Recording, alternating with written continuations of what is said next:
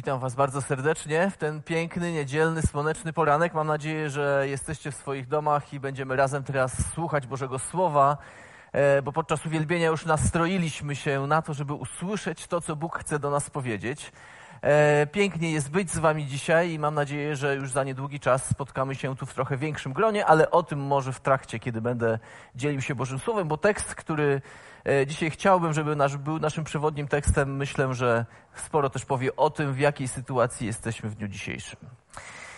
To dzisiejsze moje przesłanie zatytułowałem sobie Kroki do duchowej odnowy, bo myślę, że każdy chce w jakiś sposób doświadczać duchowego odnowienia. E, albo odnowienia tego, co kiedyś przeżyliśmy, albo przeżycia czegoś na nowo, jeśli jeszcze z Bogiem tej drogi nie rozpocząłeś czy nie rozpoczęłaś. I kiedy zaczynamy się uczyć nowego języka, a mam nadzieję, że ktoś z Was kiedyś e, uczył się albo uczy się nowego języka, to powstają takie sytuacje, w których w tym obcym języku coś jest podobne do języka w tym, w którym się obecnie posługujemy. Ja fonetycznie jest podobne. Ja pomyślałem sobie o takim słowie no. Słowo no jest bardzo popularne, bo może oznaczać no, może oznaczać no, bo nie wiem, może oznaczać no, bo tak, może oznaczać no, jeszcze się zastanawiam. I różne są konotacje w zależności od tego, jak to powiemy. A jeśli jeszcze do tego dołożymy ruch głową i na przykład jesteście w Bułgarii, to okazuje się, że w Bułgarii, kiedy mówimy no i robimy głową tak, oznacza nie, a, e, tak, nie, albo tak, w zależności, a kiedy robimy no i oznacza w tą stronę, to oznacza tak to już zupełnie można się tam pomylić i to doprowadza czasami do śmiesznych, ale czasami do dosyć dużych nieporozumień, kiedy znaczenie danego słowa bądź znaczenie jakiejś sentencji, którą wypowiadamy, jest zupełnie inne w kulturze, w której się znajdujemy. I podobnie jak wiele nieporozumień podczas próby nauki języka obcego może nas spotkać, tak wielu z nas ma pewne niezrozumienie, jeśli chodzi o kilka kwestii dotyczących Bożego Słowa, dotyczących Biblii. Przychodzą mi na myśl trzy, które będą zawarte w dzisiejszym przesłaniu, ale myślę, że kiedy czytacie Boże Słowo albo zastanawiacie się, czy w ogóle je czytać, to dochodzicie do wniosku, że ten tekst jest zbyt trudny, żeby go zrozumieć. Jeśli ktoś czyta Stary Testament i dochodzi na przykład do Księgi Liczb, ja tak miałem, to dochodzę do wniosku, ten tekst jest zbyt trudny, żeby go przeczytać, bo tam są wymieniane rody, nazwiska, liczby. W jaki sposób to mnie dotyczy? Druga rzecz to jest, możemy dojść do wniosku, że Biblia jest zbyt trudna, aby coś się z niej nauczyć. Jest zbyt trudna.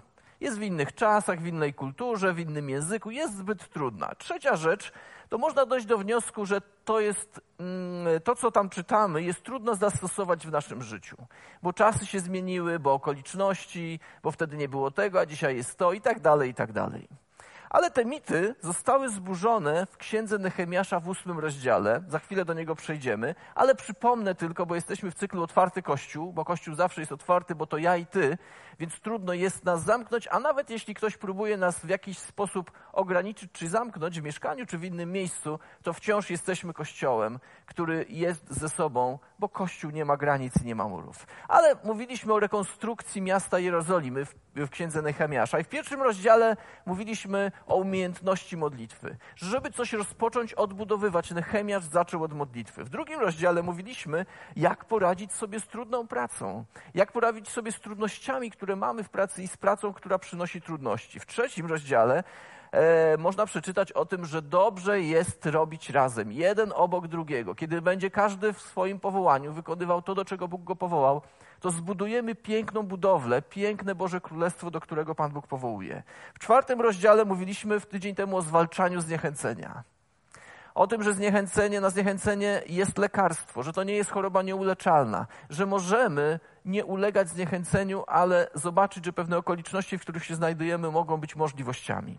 Piąty i szósty rozdział, jeśli odrobiliście pracę domową, przeczytaliście całą księgę Nehemiasza, to w piątym rozdziale można zobaczyć, jak powstrzymać walkę. Jak czasami lepiej milczeć niż odpowiedzieć, albo inaczej, lepiej rozmawiać z Bogiem niż dyskutować z ludźmi. I szósty rozdział przed siódmym, jak poradzić sobie z czymś, co nas rozprasza w powołaniu. A nacisk w siódmym rozdziale przesuwa się na jedną rzecz.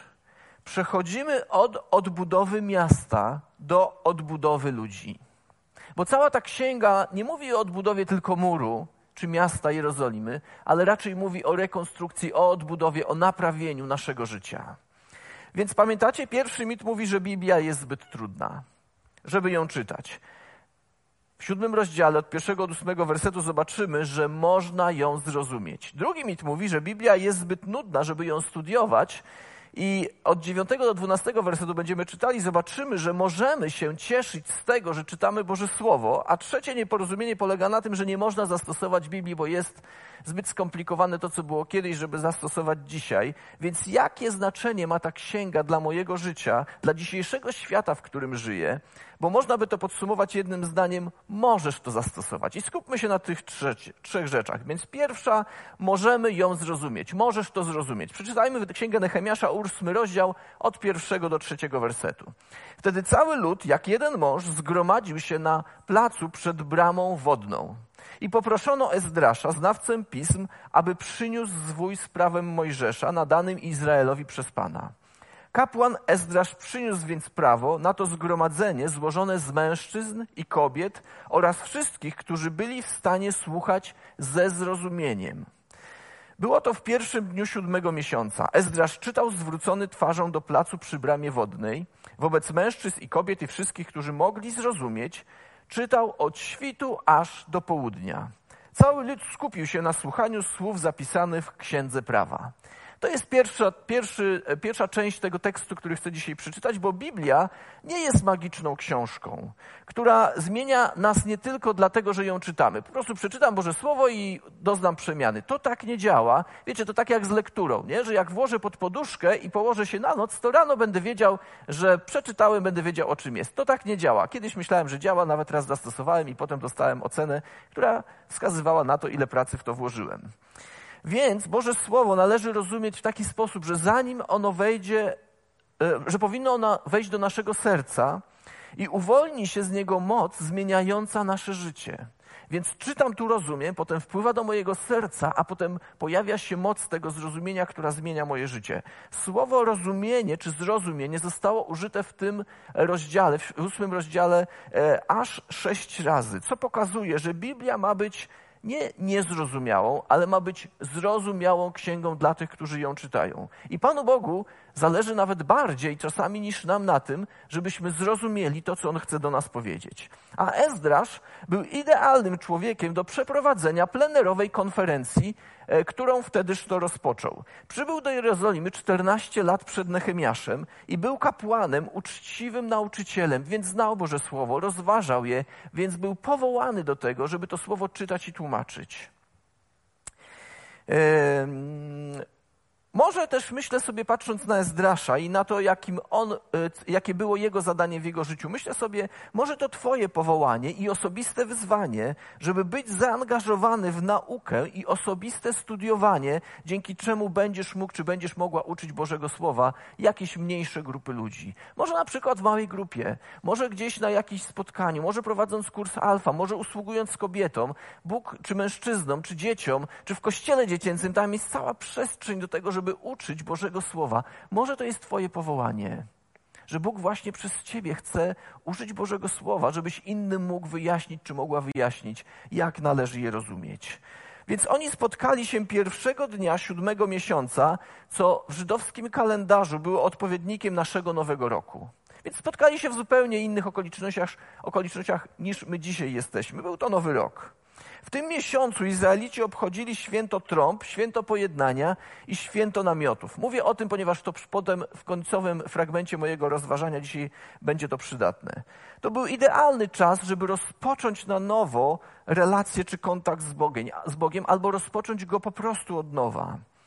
Wydaje nam się, że to było takie spontaniczne spotkanie, że oni tak po prostu przyszli wiecie, nie wysyłano wtedy za, żadnych zaproszeń, nie było ogłoszeń na Facebooku, nie było Instastory, że przyjdźcie, bo teraz będzie wielkie wydarzenie. Nie, nie było tych rzeczy wtedy. Oni, e, nie podano też publicznego zawiadomienia. Spotkali się jeden za jeden jako, jako ludzie chętni do zrozumienia Bożego Słowa. Było w nich to pragnienie, ten głód, który przez wiele, wiele lat e, narastał, ponieważ nie mogli słuchać ani nasycać się tym, co Bóg chce do nich powiedzieć. Spotkali się przed, wod- przed bramą wodną, a woda w Bożym Słowie zazwyczaj e, e, znaczy, czy oznacza Boże Słowo. Woda jest związana ze Słowem Bożym. Mężczyźni i kobiety czekali niecierpliwie jak publiczność na koncercie. Dawno nie byliśmy na koncercie żadnym, więc wyobraźcie sobie, jak to było, kiedy jesteście na koncercie i ma wejść właśnie ta gwiazda. I skandowali, chcemy Ezdrasza, chcemy Ezdrasza, naucz nas Bożego Słowa, przynieś to, co Bóg chce nam powiedzieć. Kiedy jesteś przez kilka tygodni, może nawet już miesięcy w domu i myślisz sobie, jakby tu przyjść na nabożeństwo, nawet niektóre kościoły już dzisiaj z powodów lokalowych mogły rozpocząć e, w jakiejś ograniczonej formie nabożeństwa, to wręcz mogę powiedzieć, że chyba od przystanku biegli dzisiaj do sali nabożeństw, żeby wreszcie pobyć z Bożym ludem. Z matematyki teraz trochę my mamy 250 metrów, więc nawet dziś mogłoby nas się tu spotkać 25 osób. Obecnie do obsługi jest 17. Więc jak widzicie, póki co jeszcze nie możemy się spotkać tak jak kiedyś, ale wierzę, że już niedługo Bóg znajdzie rozwiązanie na to, żebyśmy jako Kościół mogli zebrać się nie po to, żeby siedzieć, bo nigdy nie przychodziliśmy po to, żeby siedzieć, ale po to, żeby służyć Bogu żywemu. Czyż to cię nie ekscytuje? Możesz teraz stać, podskoczyć, zaklaskać, jak jesteś w domu, na sali, jakkolwiek. Możesz to zrobić. Tak, tu niektórzy to zrobili, widzę kątem oka, bo mam konto oka. To w takim kabarecie było. Werset trzeci mówi nam, że zaczął czytać o świcie i czytał aż do południa. Cieszy mnie, że do południa czytał, bo Boże Słowo to taka już semantyka trochę, ale czytał do obiadu. Lud słuchał Bożego Słowa przez ponad sześć godzin. Werset 18 mówi to, że trwało to przez cały tydzień, czyli codziennie przychodzili i słuchali i e, potem e, słuchali wyjaśnienia przez sześć godzin dziennie. Uważnie Bożego Słowa. Więc starając się iść za przykładem Ezdrasza, w najbliższą niedzielę przygotujemy sześciogodzinne nabożeństwo. Kto jest już podekscytowany? Przyjdziesz o dziewiątej, wyjdziesz o piętnastej, cały czas będziemy tylko czytać i tłumaczyć. Bez uwielbienia, znaczy bez tej części, która dotyczy muzycznej.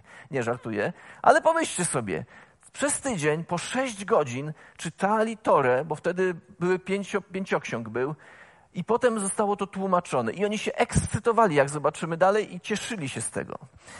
E, Esdras, znawca PiSu, stał na drewnianym podwyższeniu i sporządzono je właśnie w tym celu. Myślę, że dzisiaj, kiedy idziemy do kościołów czasami e, ewangelicznych, ewangelickich, bym powiedział nawet, i jest tam taka ambona u góry, no w katolickich również jest, to być może wzięło się to właśnie z księgi Ezdrasza, że robi, albo w niektórych kościołach, nie będę wymieniał nazw, jest takie drewniane podwyższenie.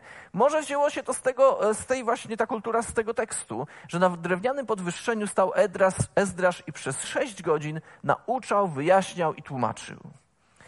Kiedy otworzył księgę w wersecie piątym, lud uhonorował Boga wstając. Być może w kulturze niektórych kościołów też jest to, że kiedy czyta się Boże Słowo, to po prostu wstają. Oni stali, wiedzieli, że to nie jest tylko mężczyzna, który mówi, ale kiedy słuchali to, co czytał, to wiedzieli, że mieli usłyszeć samo Słowo Boże. Mieli usłyszeć przez jego usta to, co Bóg chce do nich powiedzieć. Więc co robił Ezdrasz? Wychwalał Boga w wersecie szóstym. Wszyscy podnieśli ręce i krzyczeli Amen, Amen. Także jeśli podczas nabożeństwa mówię, czy ktoś powie Amen, to jest to z księgi Ezdrasza. Oni mówili Amen, Amen, jeśli zgadzali się z tym, co tam usłyszeli. W tej służbie, wiecie, nikt nie zasnął. To było pocieszające dla kaznodziei. Nikt nie zasnął i nie ziewnął. Wszyscy słuchali uważnie i wszyscy odpowiadali. A potem co zrobili? Jak czytamy? Pokłonili się i oddali cześć Panu twarzą do ziemi. To było niesamowite. Oni całym ciałem wielbili Pana Boga. Ludzie przeszli od siedzenia do stania. Następnie podnieśli ręce i wykrzyknęli razem, mówiąc Amen. To było niesamowite. Tyle czasu czekali, budowali mury, żeby swobodnie mogli posłuchać Bożego Słowa, bezpiecznie od wszystkiego, co im wcześniej zagrażało. Ogarnęło ich oczekiwanie na słuchanie Biblii. Byli zamknięci, skupieni i gotowi usłyszeć, usłyszeć przesłanie, od swojego Boga. I chcę Wam powiedzieć, że kiedy spotkamy się za jakiś czas, kiedy to będzie możliwe, razem w tym miejscu, to przy pierwszym nabożeństwie, kiedy będziemy czytali Boże Słowo, wstaniemy i będziemy się ekscytować. Amen? Amen? Możecie w komentarzu napisać, czy się z tym zgadzacie.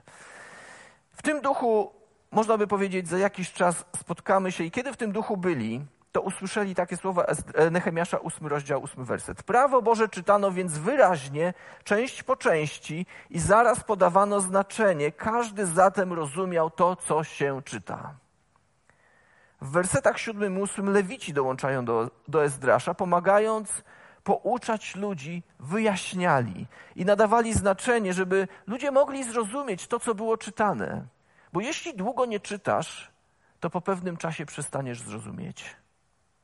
Więc zachęcam do tego, żeby czytać, studiować, poznawać i rozumieć, bo Bogu zależy na tym, żeby słowo, które On mówi do człowieka, było zrozumiałe. Dlatego dzisiaj potrzebujemy różnych tłumaczeń, różnych form tłumaczeń, bo się kultura, język zmienia. Dlatego dzięki Bogu za tych, którzy tłumaczą i e, Boże Słowo i wyjaśniają je też. Więc było tam publiczne głoszenie Bożego Słowa, kiedy Ezdrasz czytał, ale była też interakcja w małej grupie i to mnie pociesza, bo kiedy mamy dzisiaj małe grupy, czy to online, czy za chwilę wrócimy do naszych domów, to publicznie, kiedy się zbieramy, czytamy w kościele, jedna osoba wyjaśnia. Potem, kiedy spotykamy się w domach, to w mniejszych grupach możemy je czytać i wyjaśniać. I pociesza mnie to, jestem podekscytowany, czym, że robimy dokładnie to, co oni wtedy robili. Spotykamy się w większych grupach i spotykamy się w małych grupach. Więc błędne jest przekonanie czy mit o tym, że Biblia jest zbyt niezrozumiała, żeby ją czytać. Bo z wersetów od pierwszego do ósmego uczymy się, że Biblię zaprojektowano z myślą o tym, że ci, którzy słuchają, bądź ci, którzy czytają, będą ją rozumieli. I chciałem Wam dać kilka krótkich wskazówek w tym punkcie. Znajdź współczesne tłumaczenie, takie, które Ty będziesz rozumiał czy rozumiała. Czytaj codziennie rozdział, czy część po części, rozdział po rozdziale.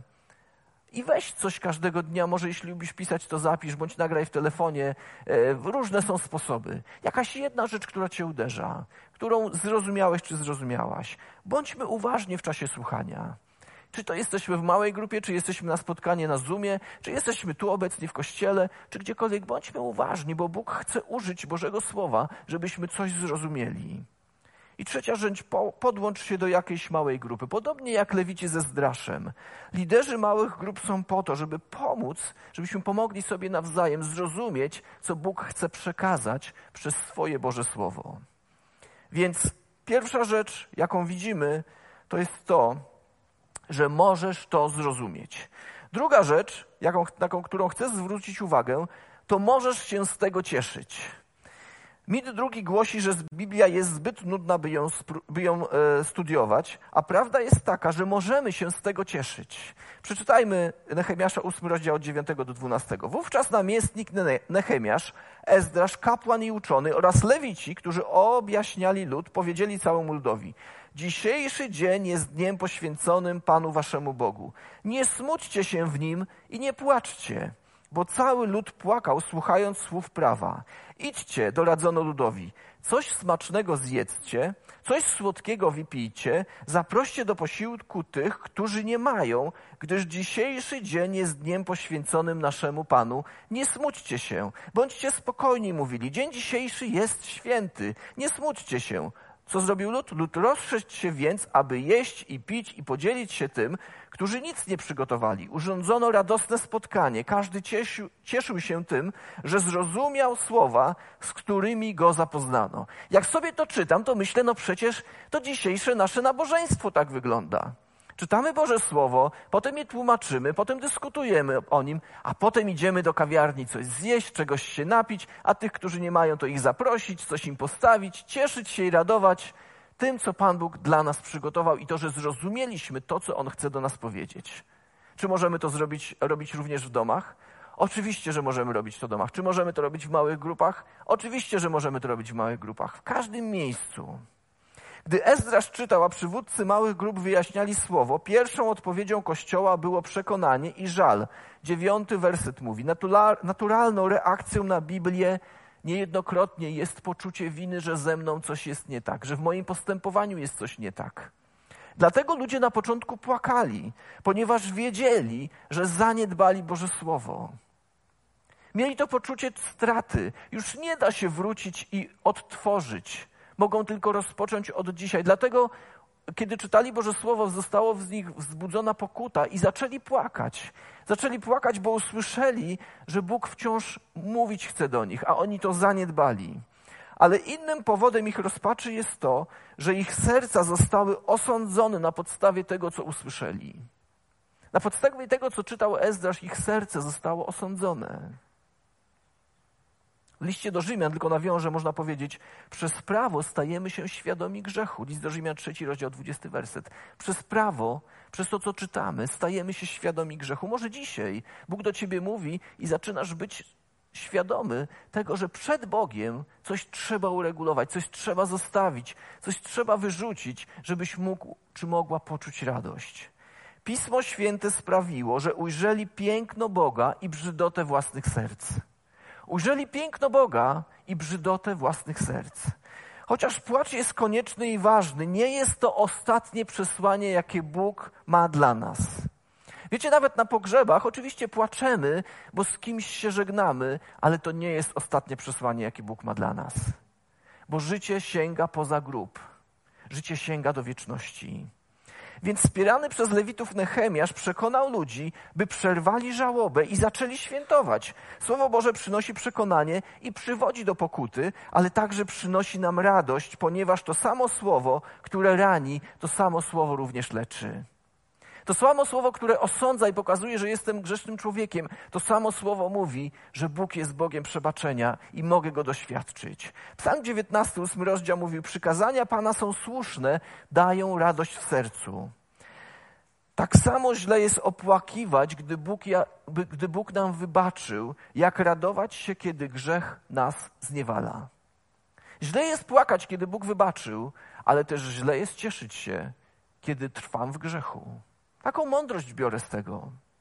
Żal za grzech i radość z, Boga, z Bożego przebaczenia nie są wcale daleko od siebie, nawet bliżej niż na odległość dwóch metrów. Są w tym samym sercu. Żal za grzechy i radość Bożego przebaczenia może dzisiaj być moim i Twoim udziałem. Nie wystarczy nam czytać słowo lub przyjmować słowo, gdy inni to wyjaśniają. Musimy i powinniśmy także radować się z tego słowa, które jest przecież słowem dla nas.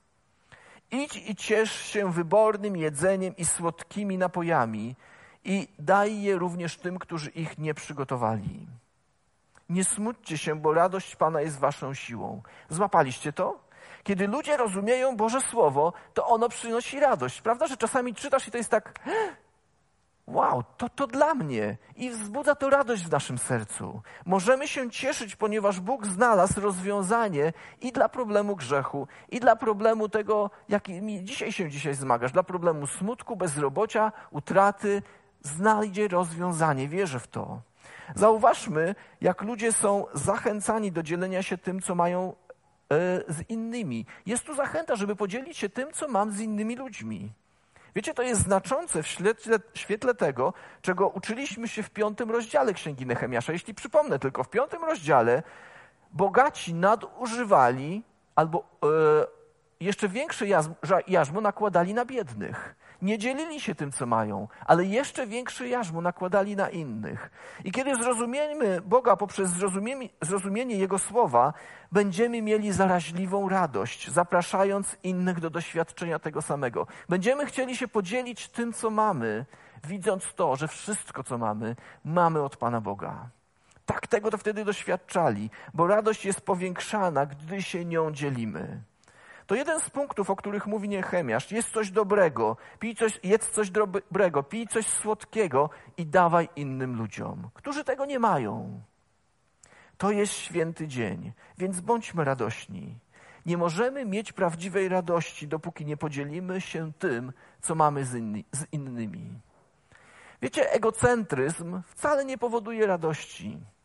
Jeśli kocham siebie, to wciąż będę widział czy widziała niedoskonałości, jakie mam. Ale kiedy zacznę kochać innych, kiedy podzielę się tą miłością, którą mam z innymi, to naraz radość wbudza się w moim sercu, że ja potrafię kogoś kochać. Kiedy przechodzisz i widzisz, ktoś prosi cię o pieniądze i myślisz sobie, nie dam pieniędzy, bo ja z natury nie daję, ale pójdę do sklepu i coś mu kupię i podzielisz się tym. I jeszcze się nie spotkałem, żeby ktoś był smutny z tego powodu, że się podzielił. No chyba, że żal ci, że, ci, że oddałeś. No ale to już inny temat i in, inny fragment. Biblia i zawarte w niej prawdy wcale nie są trudne ani nie są nudne. Wręcz są ekscytujące. Jeśli zrozumiemy pismo, dojdziemy do miejsca radości. Bo ludzie, którzy poznali historię odkupienia, dzisiaj usłyszymy za, jak, za chwilę jakąś historię doświadczenia nowego życia w swoim życiu. Kiedy doświadczymy nowego życia w Chrystusie, to aż nas w środku roz, rozsadza, żeby pójść i podzielić się z innymi. Bo ta radość, którą mamy, chcemy przenieść ją na innych. Więc zamiast skupiać się na tym, jaki popełniliśmy błąd, to zwróćmy uwagę na to, co Bóg uczynił w swoim imieniu. Co On uczynił w swoim imieniu w moim życiu, w życiu moich bliskich, w życiu mojej rodziny, w życiu moich przyjaciół, w życiu mojego kościoła, w życiu mojej grupy. Co uczynił w moich finansach, co uczynił w moim postrzeganiu Jego. Kiedy zobaczymy te rzeczy, to wierzę, że dojdziemy do Bożej radości. Niektórzy z nas są okaleczeni winą i sparaliżowani wstydem. Może tak być. Ale jeśli wyznamy to Panu Bogu i doświadczymy tego, co Bóg mówi, że jeśli wyznajemy grzechy swoje, wierny jest Bóg i sprawiedliwy i oczyszcza nas od wszelkiej nieprawości, od wszelkiego grzechu, to staniemy się wolni i będziemy mogli żyć radością zmartwychwstałego. Wiecie, w księdze Izajasza 44 rozdział 22 werset, parafrazę przeczytam. Zmiotłem Twoje przewinienia jak chmurę, a Twoje grzechy jak poranną mgłę. Wróć do mnie, bo Cię odkupiłem. Wyobrażasz sobie, jeśli widzieliście rano mgłę albo jechaliście samochodem we mgle i naraz to wszystko unosi się i masz klarowny, przejrzystą, szeroką, słoneczną drogę, to kiedy tak sobie to można wyobrazić, to właśnie tak Bóg przebacza, tak Bóg przyjmuje. Rozwiewa wszystko to, co powodowało, że nie widzę i mogę mieć piękny krajobraz, którym Bóg chce mnie poprowadzić, który, dla którego, który chce być dla mnie drogą. Więc poszukajmy sposobów na dzielenie się tym, co mamy z innymi. Poprośmy Boga, żeby w tym tygodniu dał nam okazję podzielić się radością, którą przeżywasz. A jeśli jej nie przeżywasz, to zajrzyj do słowa. A wierzę, że to słowo może wzbudzić w nas, albo Bóg przez to słowo może wzbudzić w nas radość. Do tego zachęcam. I trzecia rzecz, możesz to zastosować. Boże Słowo można zastosować. Trzecie nieporozumienie polega na tym, że nie można zastosować Biblii. Niektórzy mówią, a to zbyt stare, a to nie działa i tak dalej, i tak dalej. Ten mit mówi, że Bóg jest po to, aby uczynić życie nieszczęśliwe dla nas, dając nam rzeczy, które są już nieosiągalne. Jeśli nie możemy tego zastosować, to mówimy, że to, co Bóg wymyślił, przeminęło, jest stare i nie można już tego użyć. Chociaż z pewnością jest prawdą, że nie da się wszystkiego wypełnić pojedynczej osobie, ale jako społeczność, ale jako Kościół na ziemi, wierzę, że wypełnimy do momentu, dopóki Chrystus nie powróci po swój Kościół. Słowo Boże zostało dane w celu przemiany naszego życia i ono może przemienić nasze życie.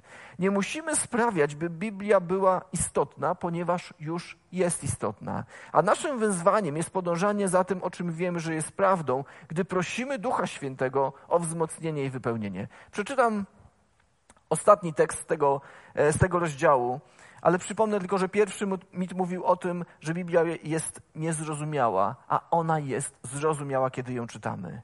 Potem możemy obalić drugi mit, który mówi, że czytanie czy studiowanie jest zbyt nudne, ale kiedy będziemy gotowi słuchać, to wierzę, że wzbudzi się w nas, czy Bóg wzbudzi w nas radość. I trzecia rzecz, który mówi, że nie można jej zastosować. Posłuchajmy. Następnego dnia zgromadzili się u skryby Ezdrasza naczelnicy rodów całego ludu oraz kapłani i lewici. Chcieli dokładniej zaznajomić się z postanowieniami prawa. W trakcie spotkania natknęli się w prawie na przepis nadany przez Pana za pośrednictwem Mojżesza, że w czasie święta w siódmym miesiącu synowie Izraela powinni mieszkać w szałasach. W związku z tym, jak tam było napisane, należy ogłosić we wszystkich miastach, w tym też w Jerozolimie, że ludzie mają się rozejść po okolicy, naznosić gałęzi różnego rodzaju, oliwnych, mirtowych, palmowych i innych drzew liściastych, aby następnie pobudować z nich szałasy.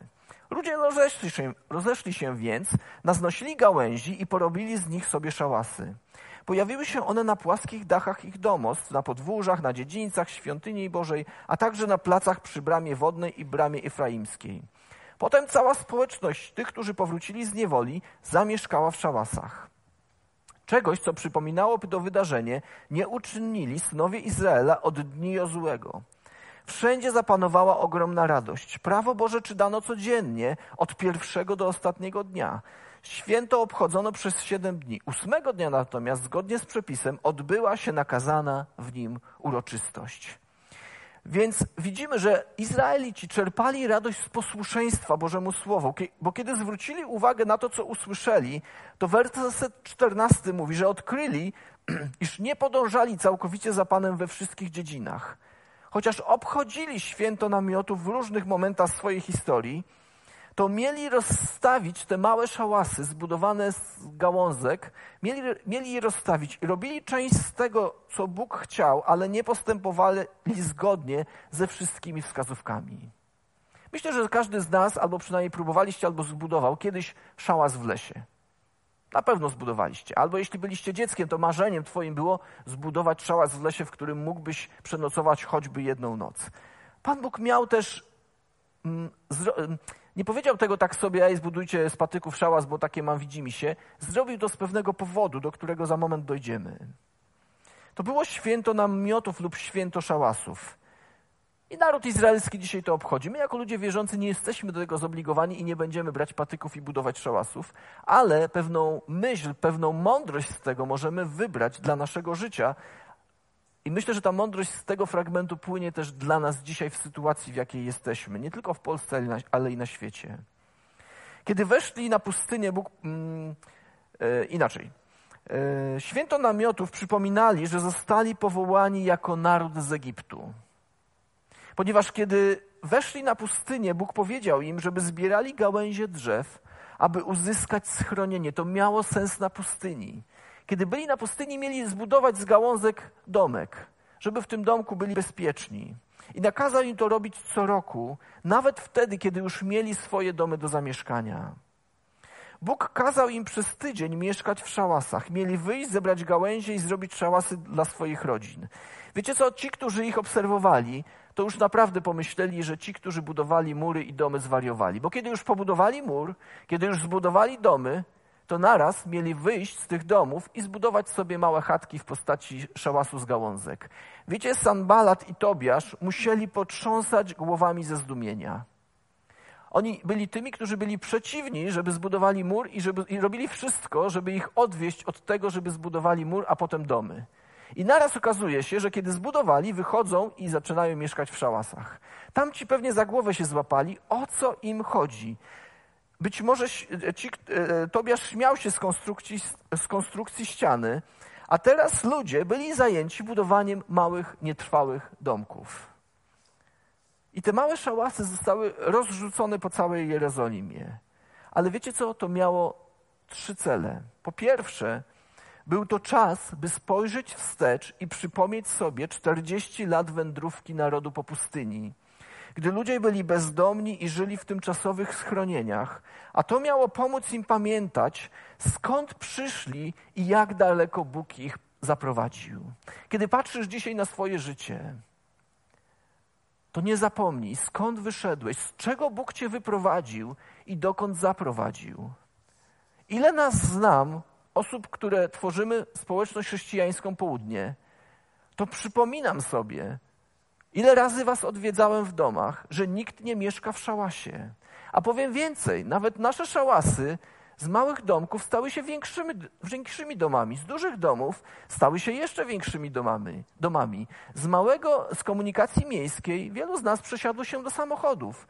Więc z kiepskiej albo z jakiejś podstawowej pracy wielu awansowało i ma, miało lepiej. Więc kiedy patrzę na przeszłość, to widzę, że Bóg doprowadził nas z pustyni do miejsca obfitości. Tak widzę. Druga rzecz, która miała pokazać coś tamtemu narodowi, a ma też pokazać nam, że dzień, w którym byli w tych szałasach, miał być dniem dziękczynienia. Było to święto rozglądania się i dziękowania za błogosławieństwa żniw z Bożych rąk. Oni w tym dniu mieli zobaczyć, jak wiele Bóg im dał. Mieli z tego małego szałasu spojrzeć na swój dom, spojrzeć na swoje żniwa, spojrzeć dzisiaj być może na dzieci, na rodzinę, na to, gdzie jesteś, w jakim punkcie i dziękować Panu Bogu za to, w jakim miejscu nas postawił. Jeśli ktoś z nas chce powiedzieć, że dzisiaj nie ma za co dziękować Panu Bogu, to spójrz wstecz i spójrz na to, w jakim miejscu dzisiaj jesteś. I trzecia rzecz, święto namiotów, czy tych budowania szałasów, było także okazją do spojrzenia w przyszłość. To była okazja, żeby spojrzeć w przyszłość. Ci wierzący mogli ulec pokusie, aby osiedlić się w nowym mieście i w nowych domach. Przecież przed chwilą skończyli mur. Przecież przed chwilą skończyli swoje piękne domy i pomyśleli, teraz już tu zostaniemy. A Bóg nie powołał ich do tego, żeby zostali. Bóg nie powołał ich do tego, żeby się zasiedzieli. Wiecie, kiedy patrzę na Kościół, weźmy nasz Kościół, bo po co mam patrzeć na innych? Kiedy weźmiemy społeczność chrześcijańską południe i myślę sobie, Mińska 65, jakie piękne miejsce, prawda? Mamy tę salę, mamy kawiarnię, mamy plac przed tym miejscem, mamy salę dla dzieci, tyle sal, ile grup. I można by powiedzieć, jak jest nam dobrze, posiedźmy tu. I w ciągu jednego dnia Bóg powiedział, a teraz wrócicie do waszych szałasów. Co prawda te nasze szałasy to mieszkania i domy. Teraz wrócicie do waszych szałasów. I tam popatrzcie, do czego was powołałem. Czy ja was powołałem do tego, żebyście się zasiedzieli, czy do tego, żebyście poszli, żebyście byli gotowi, żebyście mieli spakowane walizki, bo za chwilę być może będę chciał was przenieść. Dokładnie to chciał Bóg Nehemiaszowi i im powiedzieć. Pamiętajcie, że waszego domu nie ma na tym świecie. Zawsze będziecie tutaj pielgrzymami, bo Twój dom jest w niebie. A to, co sobie tu zgromadziłem, to, co sobie tu zgromadziłeś, to mól i rdza może zeżreć. Więc pamiętajmy, że Bóg powołuje nie do tego, żebyśmy zamieszkali tu na ziemi, bo jesteśmy tu przechodniami, ale żebyśmy wypełnili misję, do jakiej nas powołał tutaj na ziemi. A tą misją jest to, żeby iść i głosić dobrą nowinę i czynić uczniami. Te dwie rzeczy mamy robić, oczekując powrotu Zbawiciela. Czy w tym miejscu, czy w małym szałasie, czy w dużym, patrzeć w przyszłość. Wierzę, i to mnie podtrzymuje, że Bóg przygotował miejsce, w którym będziemy się mogli spotkać jako cały Kościół. I ono musi być większe, bo na czas obecny w tym nie możemy się spotkać.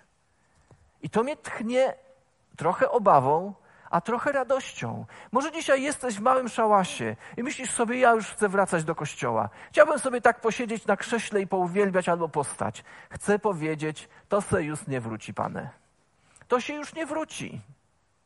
Jeśli chcesz wrócić do kościoła, to przyjdź z pustymi rękoma, pytając, co ja mogę dzisiaj zrobić, jak ja mogę dzisiaj służyć. Możesz powiedzieć, tak, pastorze, ja już chcę. To teraz cierpliwie chcę powiedzieć, możesz służyć małej grupie. Będziemy tutaj zmieniać też osoby, które służą, bo one służą już od dwóch miesięcy. Część z nich jest naprawdę zmęczonych i przemęczonych, a niektórych rzeczy musimy się nauczyć, żeby robić je na nowo. Musimy się ich nauczyć. Oczywiście, że zastanawiam się, a jak Kościół dziecięcy dzisiaj może się spotykać? Dzięki Bogu za e, Magdę Krasnopolską i za Dawida, bo oni podjęli, że będą nabożeństwa dla dzieci nagrywać, puszczać je a na Facebooku i na YouTubie, a dzieci będą mogły przeżywać Bożą obecność w domach, gdzie są. Nie wiem, czy zawsze tak będziemy musieli, ale na ten czas Bóg wzbudził kreatywność, Bóg przygotował sprzęt, co prawda pożyczony na razie, żebyśmy mogli służyć Mu z radością.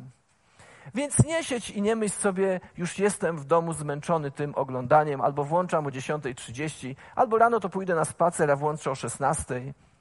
Nie wiem, jak jest, bo nie obserwuję i nie śledzę, bo to nie moja rola. Moją rolą jest głosić i tłumaczyć, między innymi, i zajmować się owczarnią.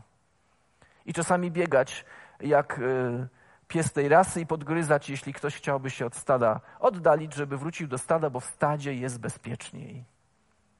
Więc bądźmy razem Kościołem. Wiecie, to, że my nie widzimy, to Bóg widzi. Bóg o 10 i o 12, o 16 też, ale o 10 i o 12 jest gotowy, żeby mówić do Ciebie. Jest gotowy, żeby cały Kościół go uwielbiał. Więc po wzniesieniu murów Bóg chciał się upewnić, że nie liczą na ściany, lecz na Niego. Po wzniesieniu murów Bóg chciał się upewnić, że nie liczą na ściany, ale liczą na Boga. Dlatego wywalił ich z miasta do małych szałasów i powiedział: Pamiętajcie skąd przyszliście, dziękujcie za to, co macie i patrzcie z nadzieją w przyszłość. Za chwilę będziecie musieli pójść dalej. Niesamowite. Więc potrzebujemy tego przypomnienia, aby nie zapuszczać naszych korzeni zbyt głęboko w tym świecie, ponieważ nasz prawdziwy dom jest w niebie u naszego Ojca. Teraz możecie w komentarzu wpisać Amen, tak chcę, pójdę za tym. Jeśli naprawdę jesteśmy ludem księgi, jeśli jesteśmy ludem księgi, będziemy żyć według tej księgi. Jak możemy żyć według tej księgi? Proś Boga o osobistą przemianę. Kiedy Bóg ci objawia, co masz zrobić, nie odkładaj tego. Proś Boga o pomoc w pociągnięciu ciebie do odpowiedzialności, jaką On złożył w twoje serce i w twoje życie. I na koniec mam dwa zaproszenia.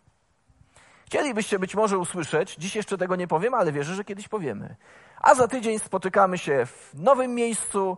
Sala ma 1200 metrów, przyjdźcie wszyscy, zapiszemy się, będziemy mogli wielbić Pana Boga i chwalić Go. No chciałbym tak powiedzieć, ale jeszcze dziś tego nie mogę powiedzieć. Ale mam dwa zaproszenia. Pierwsze zaproszenie to jest zaproszenie do głoszenia Bożego Słowa. Czy jesteście gotowi dzisiaj, tego poranka, podzielić się swoją radością zbawienia z kimś, kogo Bóg postawi w tym tygodniu w Twoim życiu i przetnie Twoje ścieżki z Jego ścieżkami? Czy jesteśmy gotowi dzisiaj na odnowienie, na rekonstrukcję, kiedy Bóg przyjdzie i będzie chciał zrekonstruować nasze życie duchowe? Niektórzy z nas stracili radość i czują się trochę oschli. Musimy odnieść się do psalmisty, który powiedział: Czy nas już nie ożywisz, aby Twój lud mógł się z Ciebie radować? Wierzę, że Bóg chce nas ożywić. Czy jesteśmy gotowi żałować i odwrócić się od swoich grzechów, czy od swojego zasiedzenia, e, żeby pójść do Pana Boga i radować się z Nim. Część z nas natomiast za dużo spędza czasu w mieście zwanym grzechem. Za dużo czasu tam spędzamy. Możemy przysiąknąć, możemy się zapędzić. Więc pierwsze wezwanie jest, jeśli chcesz odnowienia, przyjdź dzisiaj do Pana Boga. Drugie wezwanie, zaproszenie jest dla tych osób, które nie pokładają jeszcze pełnej ufności w Chrystusie. Jeśli chcesz dziś złożyć swoją ufność w Chrystusie, jeśli chcesz, chcesz odbudować bądź rozpocząć z Nim swoje życie, to za moment będę się modlił i chciałbym, żebyś przyszedł do Niego i modlił się, powierzając Mu swoje życie. I możesz to dziś zrobić w najprostszy sposób, jaki jest możliwy, ale w publiczny sposób. Jeśli masz takie pragnienie w sercu, chcesz powiedzieć, Boże, chcę powierzyć Ci moje życie, poproszę Cię o przebaczenie moich grzechów i chcę pójść za Tobą, to wpisz teraz w komentarzu tak. To będzie wystarczające. Bóg to zobaczy, a ty możesz powiedzieć, no ale inni to zobaczą. Wiara zawsze była publiczną demonstracją. Możesz wpisać w komentarzu tak, Bóg to uhonoruje, a twoje życie dozna przemiany, bo Jezus Chrystus nam to obiecał. Każdego, kto do Niego przyjdzie, nie odrzuci precz. Tak powiedział, tak mówi Jego słowo, a zobaczysz, jak wielka radość wejdzie do Twojego serca. I ostatnie zdanie z mojego przesłania brzmi w taki sposób. Istnieje tysiąc kroków między nami a Bogiem.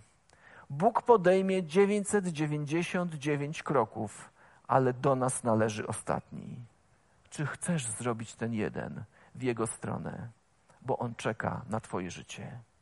I Panie Boże, Dziękujemy Ci teraz za to, że jesteś Bogiem, który chce nas odnowić, że jesteś Bogiem, który chce nas zbawić, że jesteś Bogiem, który przyszłość nam przygotował u naszego Ojca w niebie.